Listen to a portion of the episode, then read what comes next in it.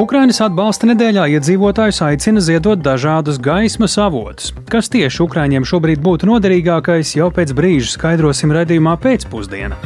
Zemestrīce Turcijā mainījusi dzīvi arī Latvijas augstskolās studējošajiem turku jauniešiem, un stāstīsim, ar kādām sajūtām viņi raugās uz notiekošo un ko viņiem nozīmē Latvijas atbalsts bet Rīgā līdz gada beigām sola ieviest elektrobusus un divos maršrutos palaist zemās grīdas tramvajus. Visas pieturas līdz pat doles gala punktam tiks pārbūvētas, pielāgojot zemē grīdai, plus vēl sakārtota infrastruktūra, krustojumi, luksafori, apgaismojums. Arī par to jau pavisam drīz skaidrosim programmā pēcpusdienā kopā ar mani Tāli Eipuru.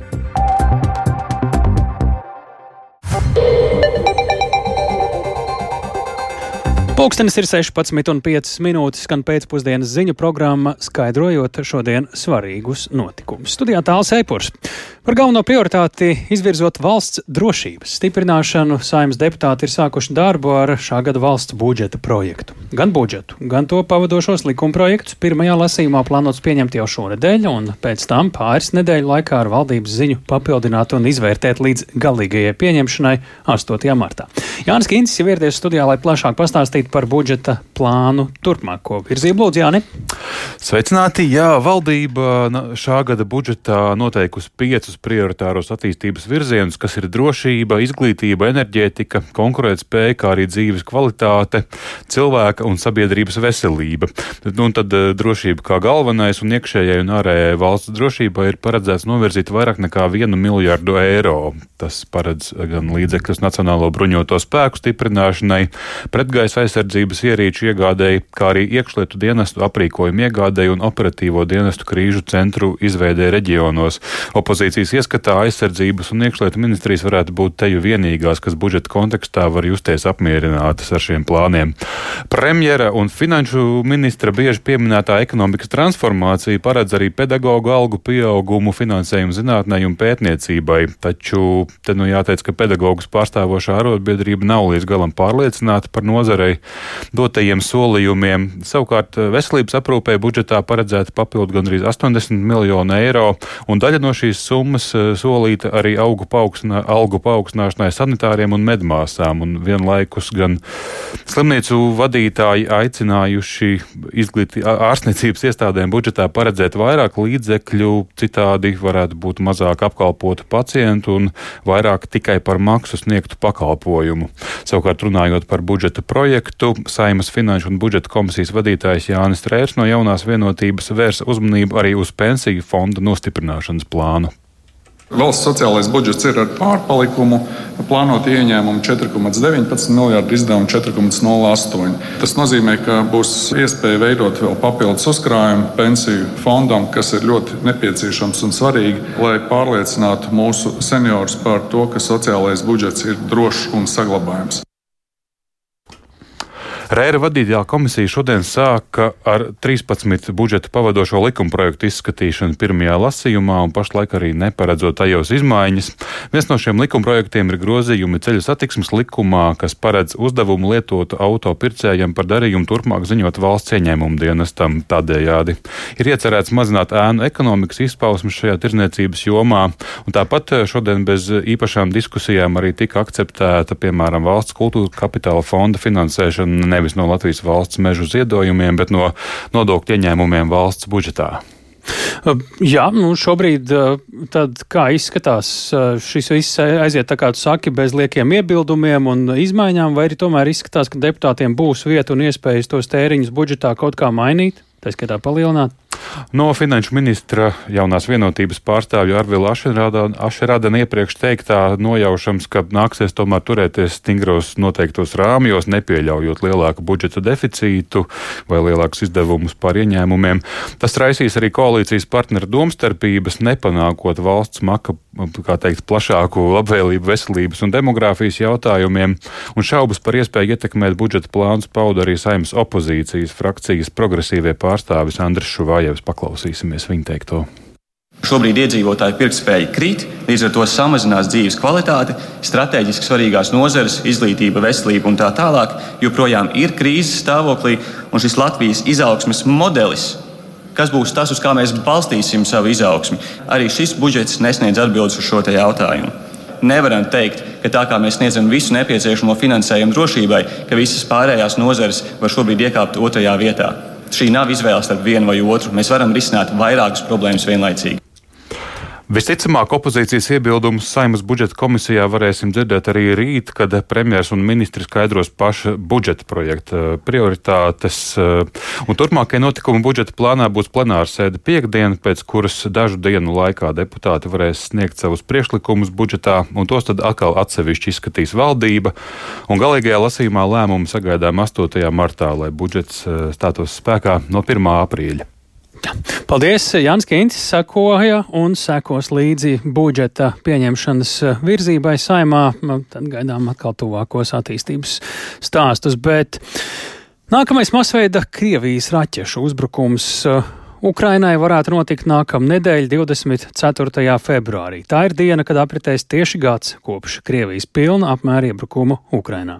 Tā ir izteikušās Ukrainas amatpersonas. Tikmēr Moldovas prezidente Māja Sandu šodien ir paziņojusi, ka Krievija plāno Moldovā veikt valsts apvērsumu, šim nolūkam izmantojot par civiliedzīvotājiem pārģērbtas militāru personas. Plašāk stāsta Rihards Plūme.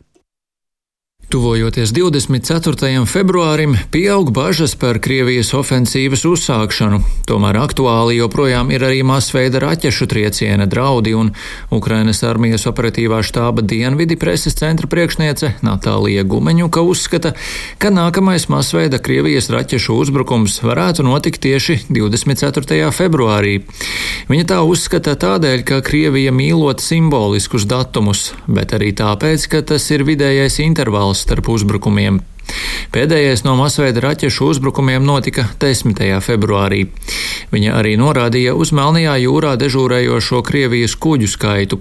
Tur tagad ir izvesti 12 kuģi, tostarp divas kalibra raķešu zemūdenes. Pēc pēdējā Krievijas raķešu trieciena turpinās darbi enerģētikas infrastruktūras atjaunošanai. Tomēr elektroenerģijas pārtraukumu grafiki tiek piemēroti tikai dažviet. Ukrainas prezidents Valdimirs Zelenskis ikvakara uzrunā pateicies visiem, kas iesaistīti atjaunošanas darbos, un brīdināja, ka raķešu uzbrukumu draudi gan saglabājas.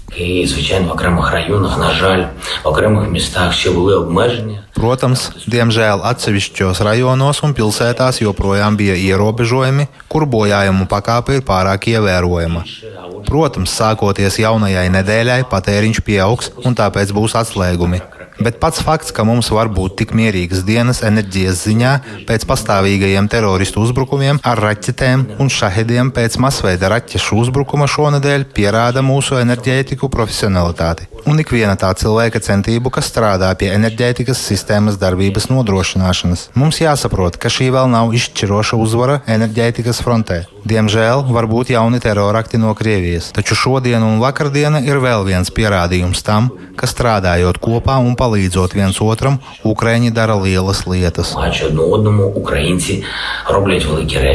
Tikmēr Moldovas prezidente Maija Sandu šodien izteikusies, ka Krievija plāno Moldovā veikt valsts apvērsumu. Vēl nesen Zelenskis pavēstīja, ka Ukraina pārtvērusi Krievijas slepenā dienesta plānus iznīcināt Moldovu. Kā skaidroja Sandu, apvērsuma īstenošanai Maskava var izmantot opozīcijas protestus, iesaistot cilvēkus ar militāro apmācību, kā arī Krievijas, Baltkrievijas un Balkānu valstu pilsoņus. Šiem cilvēkiem būtu jāuzbruk valdības ēkām, lai mainītu varu valstī. Moldova Moldovas izlūkošanas un drošības dienests apstiprinājis, ka Krievija cenšas destabilizēt Moldovu. Prezidente norādīja, ka Moldovas parlamentam pēc iespējas ātrāk būtu jāpieņem likumprojekti, kas nodrošinās izlūkošanas un drošības dienestam, kā arī prokuratūrai, nepieciešamos instrumentus, lai efektīvāk cīnītos ar riskiem valsts drošībai. Rihards Plūme, Latvijas radio. Ja pieminam raķešu triecienus, tad tādi allaž Ukrainai ir nozīmējuši jaunus sarežģījumus elektroapgādē.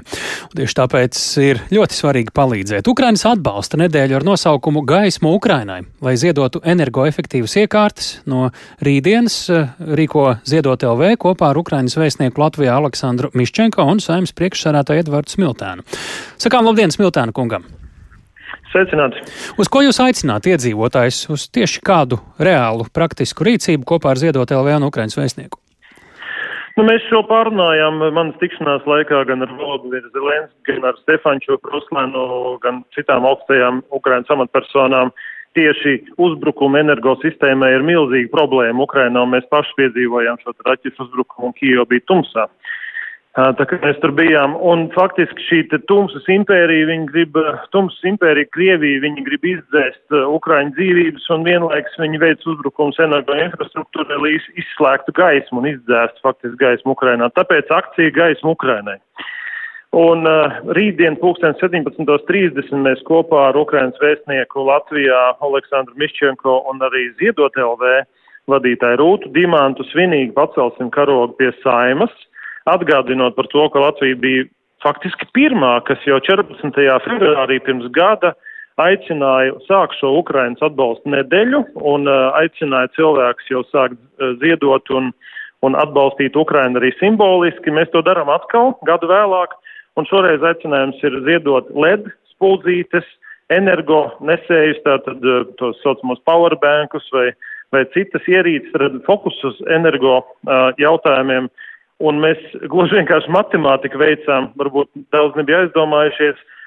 Ja nomainītu visas spuldzītes Ukrainā uz LED spuldzītēm, jo viņi lieto vēl spuldzes daudz vēl un halogēnās, tad tas ietaupītu iespējams divus vai pat trīs energo blokus atomstacijā. Šāds milzīgs apmērs. Un, un, un tas tiešām šobrīd palīdzētu Ukrainai. Un arī ierakumos tie, kas sēž Ukraiņu karavīri, viņiem šis te, šī te Uh, uzlādes iespēja telefonam var pat izglābt dzīvību, un, un tāpēc tiem arī jābūt ir kvalitatīviem. Kas iedzīvotājiem jādara, ja viņi saprot, ka var palīdzēt ar ledspuldzēm, ar uh, akumulatoriem, ar uzlādēšanas ierīcēm un līdzīgi? Kas praksē jādara katram? Tātad mēs kā latvieši darām pilnīgi pretēji visu tam, kā uh, Putins un Krievija ir iecerējusi. Ja viņi grib izslēgt gaismu, mēs ieslēgsim un tā, palīdzēsim arī šīs te zudumus kompensēt. Un tāpēc uh, ir nepieciešams Latvijas iedzīvotājiem, mēs visi kopā ziedot LV, ir kā koordinators, viņiem arī sūtam uh, šos te, šo, šo, šos te ziedojumus, vai nu tās ir spuldzītas vai, vai šie te akumulātori vai, vai, vai citas lietas. Un Ziedos LV arī ir izplatījuši kopā ar saimu konkrētu sarakstu, un tāpat ir iesaistījušies arī šie te pakomāti, kur arī būs iespējas nosūtīt no reģioniem uz Rīgu šos te sūtījumus, un tas viss tiks centralizēt arī pēc tam sašķirots un nonāks pēc iespējas ātrāk Ukrainā. Uh, un šo akciju mēs tad sākam jau no rītdienas, un viņa turpināsies, un 24. datums jau ir nozīmīgs ar to, ka tas būs gads kopš Krievijas asiņaina iebrukuma Ukrainā. Uz kurien un ar ko brauks šis sūtījums pavisam īsti divos vārdos? Tehniski, nu, noteikti tās būs smagās mašīnas, kas to tālāk arī vedīs, uh, bet, nu, esam jau, jau gada laikā simtiem šādas uh, akcijas Jā, rīkojuši. Labi, tad to tad Ziedot LV organizēs jau precīzāk. Liels paldies! Jā. To mēs sakām saimnes priekšsarātājiem Edvardam Smiltānam, stāstot par Ukrainas atbalsta nedēļu ar nosaukumu Gaismu Ukrainai un Gaismu Ukrainai. Tieši šādi vārdi tad arī jāmeklē internetā. Ziedot LV ir atsevišķa lapa šim veltīta un tur arī precīzākas detaļas. Par Ukrainu turpinot, valsts valodas centra šeit pat Latvijā, Latviešu valodas ekspertu komisija Ukrainas nacionālo valūtu latviešu valodā iesaka saukt par hrivnu, nevis par grivnu, kā līdz šim tāpat ieteikts padomju varas mākslīgi izraisīto bādu pagājušā gadsimta 30. gados Ukrainā saukt nevis par golodomoru, kā līdz šim, bet gan par holodomoru. Atbilstoši šā vārda izrunāja Ukraiņu valodā. Pie mūsu klausulas valsts valodas centra galvenais lingvists Agris Timuška. Labdien! Labdien! Kāpēc līdz šim bija grīvna, kāpēc turpmāk labāk būtu teikt grīvna, un tas pats arī par holodomoru jautājums? Jā, nu, mm, mēs uzskatām, ka tas arī ir savu veidu atbalsts Ukraiņiem, Ukraiņu valodai, uh, ņemot vērā faktu, ka uh, vārdu, vārds grivna tiek lietots Krievu valodā, tomēr Ukraiņu valodā tas tiek lietots citādā formā kā hrivna. Uh, Un tādēļ ir iespēja tā turpmāk šo valodu saukt arī latviešu valodā, līdzīgi arī holodomārs. Par goldomārs to sauc Krievu valodā, bet Ukraiņu valodā un tagad arī latviešu valodā tas būtu saucams holodomārs. Šis ir tā kā obligāti, nu, es nezinu, oficiālajās sarakstēs, vai tas joprojām ir tā kā ieteikums, jo jūs tomēr lēmumu esat pieņēmuši? Un lēmums ir pieņemts, un tas nozīmē, ka tāda turpmāk ir latviešu valodas norma, un tas būtu ievērojams uh, pilnīgi visos tekstos. Vai spriežot par Hrivnu un Holodomoru, tagad es jau runāju tā kā ir Jā. pēc jaunās uh, kārtības, uh, tiks spriests arī vēl par kādiem citiem nosaukumiem, kuri varētu būt līdzīga aicinājuma daļa, vai mm. ne šobrīd? Šobrīd nē, bet jāatceras, ka jau pagājušo gadu, tūlīt pēc šā kara sākuma, eksperti pieņēma lēmumu par Ukrainas galvaspilsētas nosaukumu maiņu, kas tagad, protams, ir Kīva, līdzīgi arī par vēl dažām pilsētām, kā Ļviva, Harkiva un jau iepriekš uh, lēmām par uh, vēl daudzu citu ukrainisko formu atbalstu. Černīhiva, Dnipro un tā tālāk. Nikolaiva, Zaporīžia un, un tam līdzīgi. Vai šeit nebūtu prātīgāk vienreiz nolemt par sistēmu, nevis katru nosaukumu? pielēmt? nu, jā, principā jau sistēmai atbilst visi ukrainiskie nosaukumi, un nu, tik līdz aktualizējas kāds jauns vietvārds vai sugas vārds, nu, tad par to arī iespējams pieņemt atsevišķu lēmumu. Paldies par sārunu Agris Timuška valsts valodas centra galvenais lingvists. Jā. 16 un 20 minūtes. Vairāk nekā 36 tūkstoši cilvēku ir šobrīd atzīti par bojā gājušiem pirms nedēļas notikušajās zemestrīcēs Turcijā un Sīrijā. Lai arī ir aizritējušas jau septiņas diennaktis kopš zemestrīcēm, glābējiem zem ēku drupām vēl izdodas atrast pa kādam izdzīvojušam. Taču daudz vietu palīdzība joprojām pat vēl nav ieradusies, un īpaši slikta situācija ir katastrofas skartajos rajonos Sīrijā. Vairāk stāsta Uldis Čēsbergs. Zemestrīču visvairāk nopostītajās pilsētās Turcijā un Sīrijā neatliekamās medicīniskās palīdzības autosirēnu skaņa šajās dienās nozīmē to, ka iespējams zem kāda sagrauta nama sienām ir atrasts izdzīvojušais. Arī šodien pienāca ziņas par vairākiem izglābtajiem. Tomēr centieni atrast izdzīvojušos apsīkst, jo palīdzība ir nepieciešama arī simtiem tūkstošiem cilvēku, kuri zemestrīcēs zaudēja savas mājas. Turcijā daudzi ir izmitināti skolās un sporta zālēs, taču trūkst pārtikas, tīra dzeramā ūdens un citu pirmās nepieciešamības lietu. Turcijas iekšlietu ministrs vakar vakarā vērsās pie valsts iedzīvotājiem ar lūgumu nosūtīt pārtiku uz katastrofas skartajiem rajoniem. Vēl jaunāka situācija ir Sīrijā, jo tur daudz viet arī nedēļu pēc zemestrīcēm nav pienākumu nenākusi nekāda palīdzība. Šis ir grūts laiks arī Sīrijas veselības aprūpes sistēmai, kas atrodas uz sabrukuma robežas. Vienā no Idlibas pilsētas slimnīcām neliels skaits mediķu rūpējas par vairāk nekā 350 cilvēkiem, kuri ir guvuši dažādas traumas zemestrīču rezultātā. Slimnīcas galvenais ķirurgs Farūks Al-Omars stāsta, ka situācija ir ļoti nopietna. Mums nepietiek medicīniskā personāla, lai palīdzētu cilvēkiem pat normālos laikos, kad nenotiek katastrofas, kad nesprāgst bumbas un nenotiek kara darbība. Mums trūkst mediķu. Citu Sīrijas pilsētu Alepo šodien apmeklēja apvienoto nāciju organizācijas ģenerālsekretāra vietnieks humanās palīdzības jautājumos Mārtiņš Grifits. Viņš novērtēja zemestrīču nodarīto postījumu apmēru un sacīja, ka tagad galvenā uzmanība būs jāvelta palīdzības sniegšanai izdzīvojušajiem. Vispārsteidzošākais ir tas, ka pat šeit, Alepo, kas ir daudz cietusi pēdējos gados, pirms nedēļas notikušās zemestrīces ir sliktākais, ko cilvēki ir pieredzējuši. Glābšanas un meklēšanas fāze tuvojas noslēgumam. Tagad mūsu pienākums ir nodrošināt pajumti, psihosociālo aprūpi, pārtiku, izglītību un sniegt šiem cilvēkiem sajūtu, ka viņiem ir nākotne. Zemestrīču vissmagāk skartās vietas Sīrijā šajās dienās apmeklējis arī ANO paspārnē esošās Pasaules veselības organizācijas ģenerāldirektors Tedros Sadanoms Gebrejesus. Pasaules veselības organizācija ir aicinājusi starptautisko sabiedrību piešķirt Turcijai un Sīrijai 43 miljonus dolāru palīdzības sniegšanai zemestrīcēs cietušajiem. Uldis Česberis, Latvijas radio. Situācijai Turcijā ikdienu līdzi seko arī Turcijas studenti šeit Latvijā. Par to, ar kādām sajūtām viņi raugās uz notiekošo un ko viņiem nozīmē Latvijas atbalsts, plašāk Agnijas Lazdiņas ierakstā. Like es gribu, lai viņi atvainojas par lielo postu, kas tika radīts, jo parasti Turcijas iedzīvotāji ir tie, kas visvairāk rīkojas zemestrīču vai citu problēmu gadījumā. Manuprāt, viņi nedarīja pietiekami daudz. Ceru, ka tas mainīsies. Pēc studiju semestra beigām Rīgas Tehniskās universitātes studente Pelina, kurai ir 19 gadi, devās uz savām mājām Ankarā, lai baudītu brīvdienas. Tomēr notika zemestrīce, pēc kuras jaunieti joprojām atrodas Turcijā, lai sniegtu atbalstu saviem tuviniekiem. Pelna stāsta, ka iedzīvotāji turpina cits citu atbalstīt, tomēr visi ir noguruši, skumji pārņemti un dusmīgi. Ir grūti katru dienu skatīties ziņas, apzinoties, ka postījumi varēja būt mazāki. I felt really sad and angry at the same time because a lot of countries experience earthquakes. Es jūtos ļoti sarūktināta un dusmīga vienlaikus, jo daudzas valstis piedzīvo zemestrīces, bet viņu ēkas lielākoties netiek izpostītas. Daudzi ģeologi un zemestrīču pētnieki brīdināja Turcijas iedzīvotājus, bet nekas netika darīts un diemžēl notika šī zemestrīce. Ēkas varēja padarīt daudz drošākas, un arī mobīlo sakaru operatori zemestrīces laikā varēja izdarīt daudz labāku darbu. Tas ir patiesi skumji. Es nespēju izteikt savas emocijas.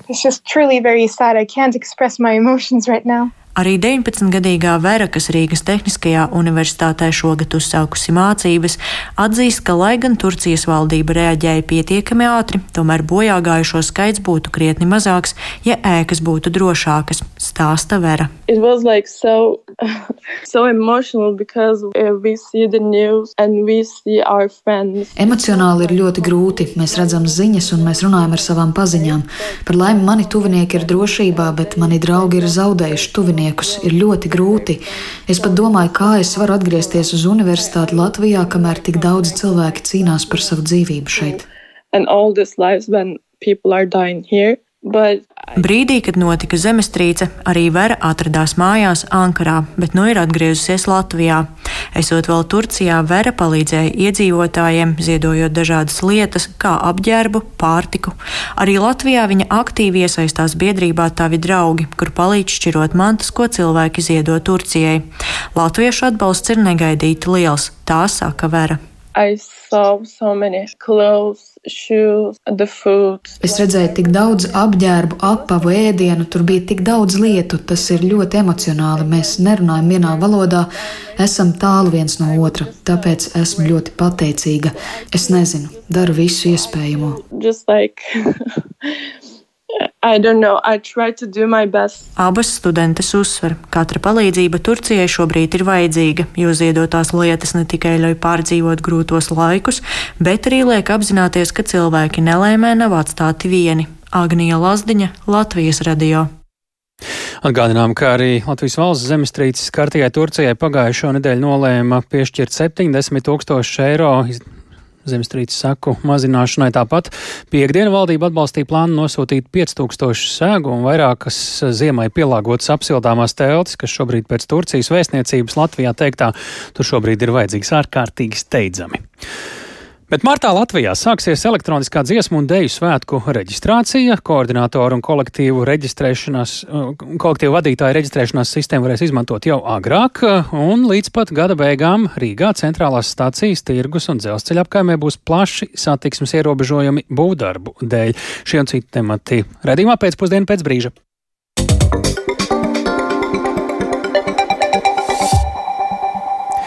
Dejotāji kolektīvi aktīvi gatavojas dziesmu un dēļu svētku skatēm. Tās Rīgā sāksies marta sākumā. Šī gada svētku lielu uzveduma nosaukums ir Mūžīgais dzinējs, un tajā piedalīsies vairāk nekā 15 tūkstoši dejotāju no visas valsts. Turpina Skirmante Balčūte. 5, 6, 7 un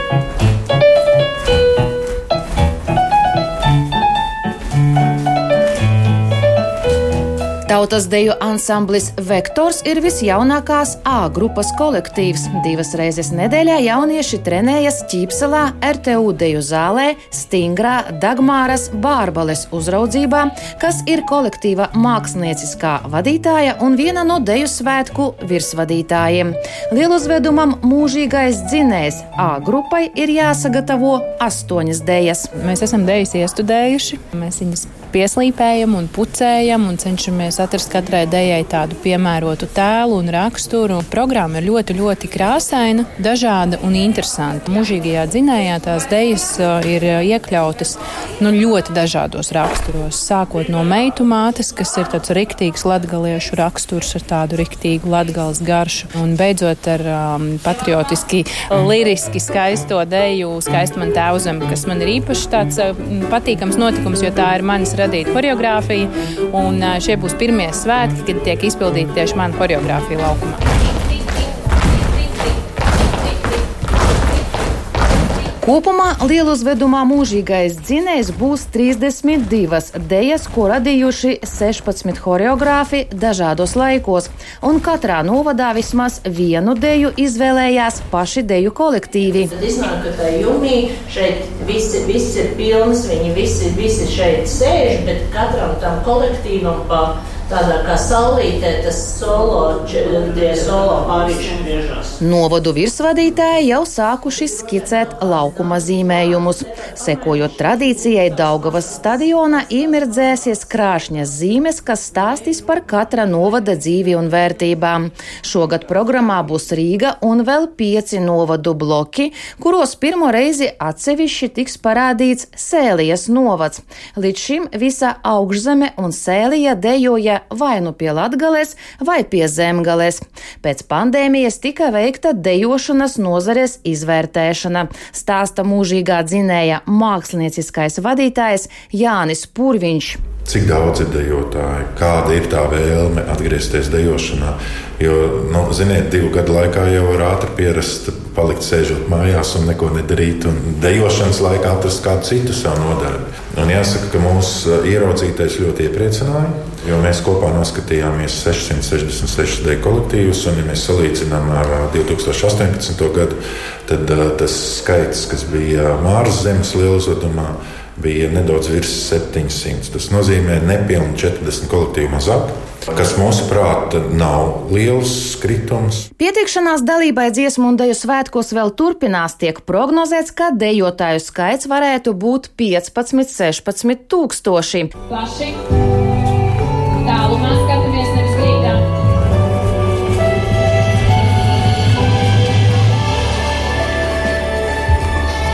Skirmante Baļķote, Latvijas radio. Bet, lai piedalītos svētkos, martā sāksies dziesmu un dēļu svētku dalībnieku individuālā reģistrācija. Taču sistēma darbu sāks jau šonadēļ. Kam, ko un kāpēc tajā būs jāreģistrē? Esam sazinājušies ar dziesmu un dēļu svētku komunikācijas vadītāju Ingu Vasiljevu. Labdien! Labdien! Kam vispār domāt reģistrācija īsumā? Jau aizvadītajos svētkos 2018. gadā mm, dalībai dziesmu svētkos tātad dalībniekiem bija elektroniski jāreģistrējās. Un tāpat mēs arī esam, turpinam šo labo praksi arī šajā reizē. Tas nozīmē, ka šajā sistēmā tātad, ja cilvēks kļūst par svētku dalībnieku, pēc tam izējot šo reģistrācijas sistēmu, tie dati tiks nodoti tālāk tātad dalībnieka kartes izveidošanai. Nu, tas ir tāds pamat, pamata pamata mērķis, kāpēc šāda sistēma ir izdomāta, bet, protams, ka viņai arī ļoti liela nozīme gan plānojot ēdināšanu, plānojot loģistiku un, un tā tālāk ļoti daudzām tādām ar drošību un organizatoriskiem jautājumiem. Reģistrācijas ir vairākas, sākot no tāda pašvaldību koordinātoru līmeņa, tad kolektīvu vadītāju un tikai tad martā dalībnieki. Pask izskaidrojiet šo. Jā, tātad jā, tāpat kā 2018. gada arī šoreiz ir šī tā saucamā trīspakāpju tāda sistēma. Pirmos divus posmus nepilda paši dalībnieki, viņiem tas būs jāpilda tikai martā sākumā, bet šobrīd jau savu darbu šajā sistēmā veic mūsu pašvaldību koordinātori. Tie ir mūsu tādi palīgi katrā, katrā novadā, katrā pašvaldībā, kuri ievada pamat informāciju par sava novada kolektīviem, par katra sava kolektīva vadītāju vai administratīvo vadītāju. Pēc tam jau ar nākamo nedēļu savu darbu šajā sistēmā jau sāks kolektīvu vadītāji, kuri savukārt sīkāku informāciju ievadīs gan par savu kolektīvu, gan arī par saviem dalībniekiem, kolektīva dalībniekiem, un tikai pēc tam, kad jau visa šī lielā datu bāze tiks sagatavota, tad arī varēs ķerties pie darba paši dalībnieki. Savukārt dalībniekiem atšķirībā no 18. gada šoreiz tā reģistrācija būs veicama tādā īpašā aplikācijā, kas pēc tam viņiem arī zin, būs ļoti noderīga arī pašā svētku laikā. Būs tāda īpaša lietotne, kas ir dziesmu svētkiem, eh, dziesmu deju svētkiem domāta tālruņos, saprot, ja? Jā, tieši, tieši dalībniekiem veidotā aplikācija vai lietotne. Ko ar to varēs darīt? Pareizi. Nu, tātad, kā jau es teicu, šajā marta periodā dalībniekiem tur būs jāievada dati par sevi, būs jā, jā, vajadzēs tur augšuplādēt savu fotografiju un tā tālāk, bet savukārt jau pašā svētku laikā tur būs diezgan daudz praktiskas informācijas dalībniekiem, sākot ar to, kur un kad ir mēģinājumi, kur un kad ir ēdināšana un tā tālāk un tā tālāk. Tieši šie tādi praktiskie um, dalībnieku dzīves jautājumi tur būs aplūkojami. Kad būs pieejama lietotne? Lietotne būs pieejama, kā jau jums minēju, tad, kad sāksies dalībnieku reģistrācija, martā. tas ir martā. Mm -hmm. Vai te kaut ko var nokavēt, jo mēs zinām, cilvēki pārdomā, nezinu, nedod Dievs saslimst, vēl viss, kas notiek, un tad vajag jaunus dalībniekus reģistrēt vai rezervistus kā šo? Pēc būtības šo, šo jūsu aprakstīto situāciju, protams, tā, nu, tā vada jā, kolektīva vadītāja šo risku, tā mēs varētu viņu nosaukt. Uh, bet, protams, ka gala apstiprinājums tam, vai tad um, tie cilvēki, kas ir reģistrējušies sistēmā un vai viņi vispār cilvēki kļūst par svētku dalībniekiem, jau tradicionāli tiek apstiprināti jau pēc skatēm, un skates tikai sāksies tagad aktīvākais periods marta, aprīlī un noslēgsies maijā. Līdz ar to cilvēks par to, vai viņš ir kļuvis par svētku dalībnieku vai nevarēs uzzināt maijā. Bet jāreģistrējas ir jau arī visiem tiem, kuri jā, piedalīsies jā. skatēs. Jā. Tieši tā. Tas ir ļoti līdzīgi. Tie dalībnieki, kas jau ir bijuši 18. gadā svētkos, zina šo sistēmu, tad šobrīd reģistrē uh, visus tos dalībniekus, kas piedalīsies skatēs, un tas gala apstiprinājums būs jau maijā pēc kašu rezultātiem. Un kartes tad izsniegs kaut kad īsi pirms svētkiem? Īsi pirms svētkiem, jā, tas ir tāds ļoti skaists brīdis, kad uh, gan kolektīva vadītāja pašvaldība, arī koordinātori tad, tad brauc uz Rīgu un viņi saņem šos te īpašos uh, dalībnieku jā, maisiņus un ved tur līdzi, ieskaitot arī dalībnieku karti. Paldies par sarunu dziesmu un deju svētku komunikācijas vadītājai Ingai Vasiljevai. Atgriežamies pie Rīgas aktualitātēm. Rīgā šogad eh, netrūks satiksmes izaicinājumu. Būs gan jauni sabiedriska, jaunumi sabiedriskajā transportā, gan pamatīgi ierobežojumi Rail Baltica būvniecības dēļ pašā galvaspilsētas centrā. Sāksim ar sabiedrisko transportu. Rīgā līdz gada beigām sabiedriskā transporta tīkls kļūšot cilvēkiem ērtāks un pieejamāks. Un Pašvaldība apgalvo, ka pilsētā atjaunos divas tramvaju līnijas, kas ļaus kursēt zemās grīdas tramvajiem un pasažierus sāks pārvadāt ērtāks un dabai nekaitīgāks sabiedriskā transporta veids elektrobus. 35 jauni transporta līdzekļi pilsētā izmaksās par 4 miljoniem lētāk nekā sākotnēji prognozēts, bet tuvāk un plašāk Viktora Demīdova ierakstā. Šogad būtiskas izmaiņas sagaida ķēngaragu un īļu ciem iedzīvotājus, kur ikdienā pārvietojas ar tramvaju. Līdz gada beigām plānots pilnībā pārveidot septītā tramvaja līniju no centrāltirgus līdz dolei, kur sāks kursēt zemās grīdas tramvaji. Tajos senioriem, cilvēkiem ar invaliditāti un māmiņām ar bērniem iekāpt būs daudz ērtāk. Daļai pārveidos arī piektā tramvaja līniju, taču šajā maršrutā ērtie tramvaji varēs kursēt tikai no īļu ciema līdz centram, kur dodoties uz mīlgrāvi vajadzēs pārsēsties vecos tramvajos, jo pagaidām nav zināms, kad sliedes atjaunos visā posmā. Abi projekti skars vairāk nekā 9 km sliežu ceļu, un pilsētai tas izmaksās vairāk nekā 40 miljonus eiro, no kuriem lielākā daļa ir Eiropas Savienības nauda. Turpina Rīgas satiksmes vadītāja Džineta Innusa. Tie būs ļoti, ļoti iespaidīgi būvdarbi. Tas ir gan 11. novembra un ģenerāļa Radziņa krastmals krustojums, kur jāpārbūvē viss krustojums krustojums. Visas pieturas līdz pat doles gala punktam tiks pārbūvētas, pielāgojot zemē grīdai, plus vēl sakrātota infrastruktūra, krustojumi, luksafori, apgaismojums. Tātad viss, viss kontakttīkls, piecas apakšstacijas šajās līnijās iegūs pilnīgi jaunu izskatu un jaunu tehniskos risinājumus. Lielas izmaiņas ķēngraga iedzīvotājiem sagaidāmas arī vēlāk. Līdz 2026. gadam plānots pagarināt 7. tramvaja līniju līdz Maskavas un Višķu ielai. Jauna tramvaja sliežu izbūve pilsētā notiks pirmo reizi pēdējo 40 gadu laikā. Līdz minētajam krustojumam pagarinās arī 15. trolejbusa līniju. Šeit plānots izveidot mobilitātes punktu, kur varēs ērti pārsēsties no viena transporta veida uz citu. Savukārt jau šogad Rīgā sāks kursēt 35 elektrobusi, kas salīdzinājumā ar parastajiem autobusiem ir klusāki un vidē nekaitīgāki. Iesākumā bija plānots, ka tie varētu izmaksāt līdz 23 miljoniem eiro, taču par spīti ievērojamam cenu kāpumam iepirkuma rezultāts ir lētāks par 4 miljoniem eiro.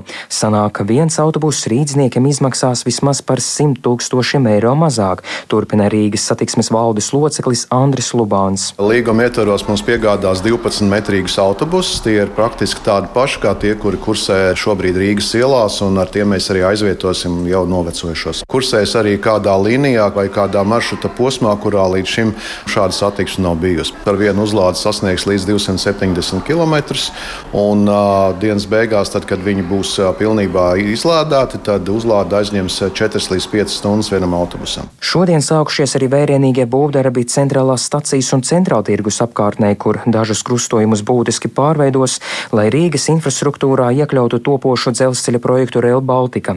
Vieni no lielākajiem darbiem būs krustojumā pie dzelzceļa tilta, kur tuvāko nedēļu laikā pārorganizēs tramvaja kustību.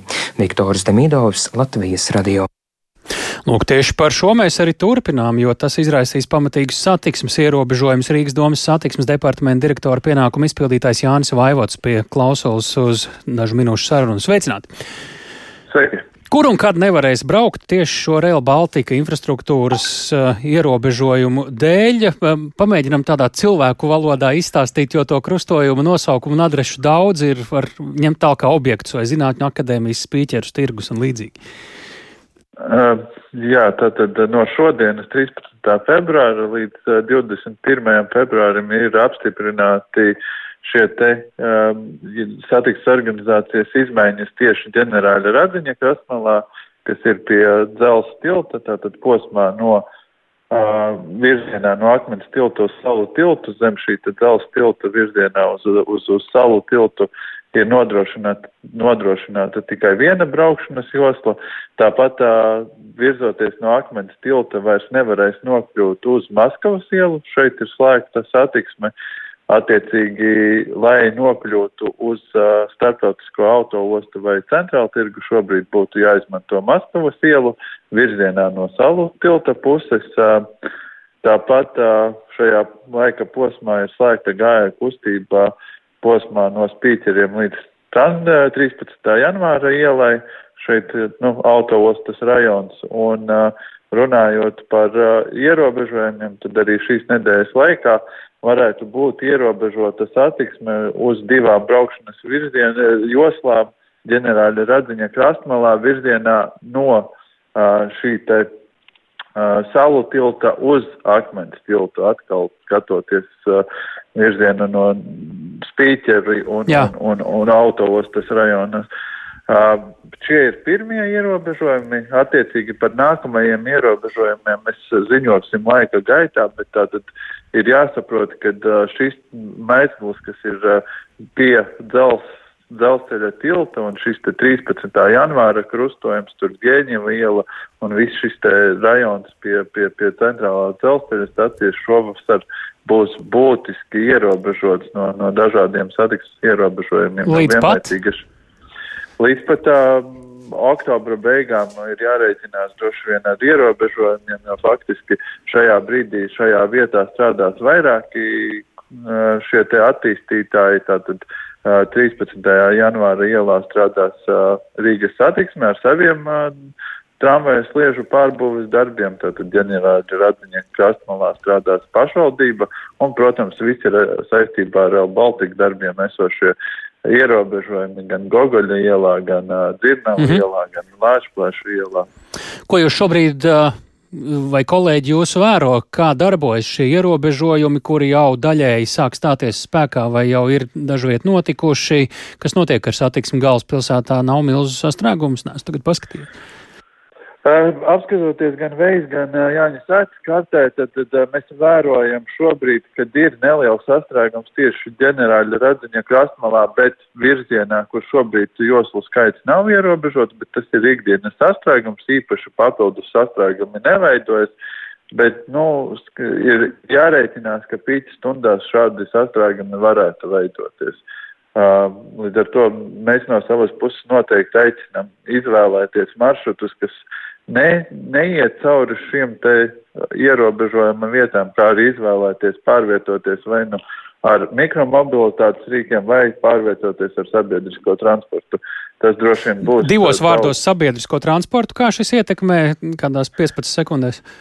Nē, sabiedriskajam transportam būtiska nozīme nebūtu jāatstāj, jo tramvaja satiksme tiek saskaņota un organizēta, lai ne, nebūtu atsauce uz kustību grafikiem. Šis svarīgi. Lielas paldies par sarunu Jānis Vaivots, Rīgas domas satiksmes departamenta direktora pienākumu izpildītājs raidījumā pēcpusdiena. Jā, Svarīgākie temati Ukrainas atbalsta nedēļā iedzīvotājs aicina ziedot dažādus gaismas avotus. Diemžēl vairāk nekā jau 36 tūkstoši cilvēku gājuši bojā zemestrīcēs Turcijā un Sīrijā, un martā sāksies elektroniskā dziesmu un dēļu svētku dalībnieku reģistrācija, bet ziņu redzījumu pēcpusdienu veidoja Tāls Eipurs, Silzi Aginta, arī Renārs Šteimanis un Iveta Zvēniece, un šo redzījumu, protams, ka varat noklausīties arī vēlāk, lietojot Latvijas radio mobilo lietotni. Yeah.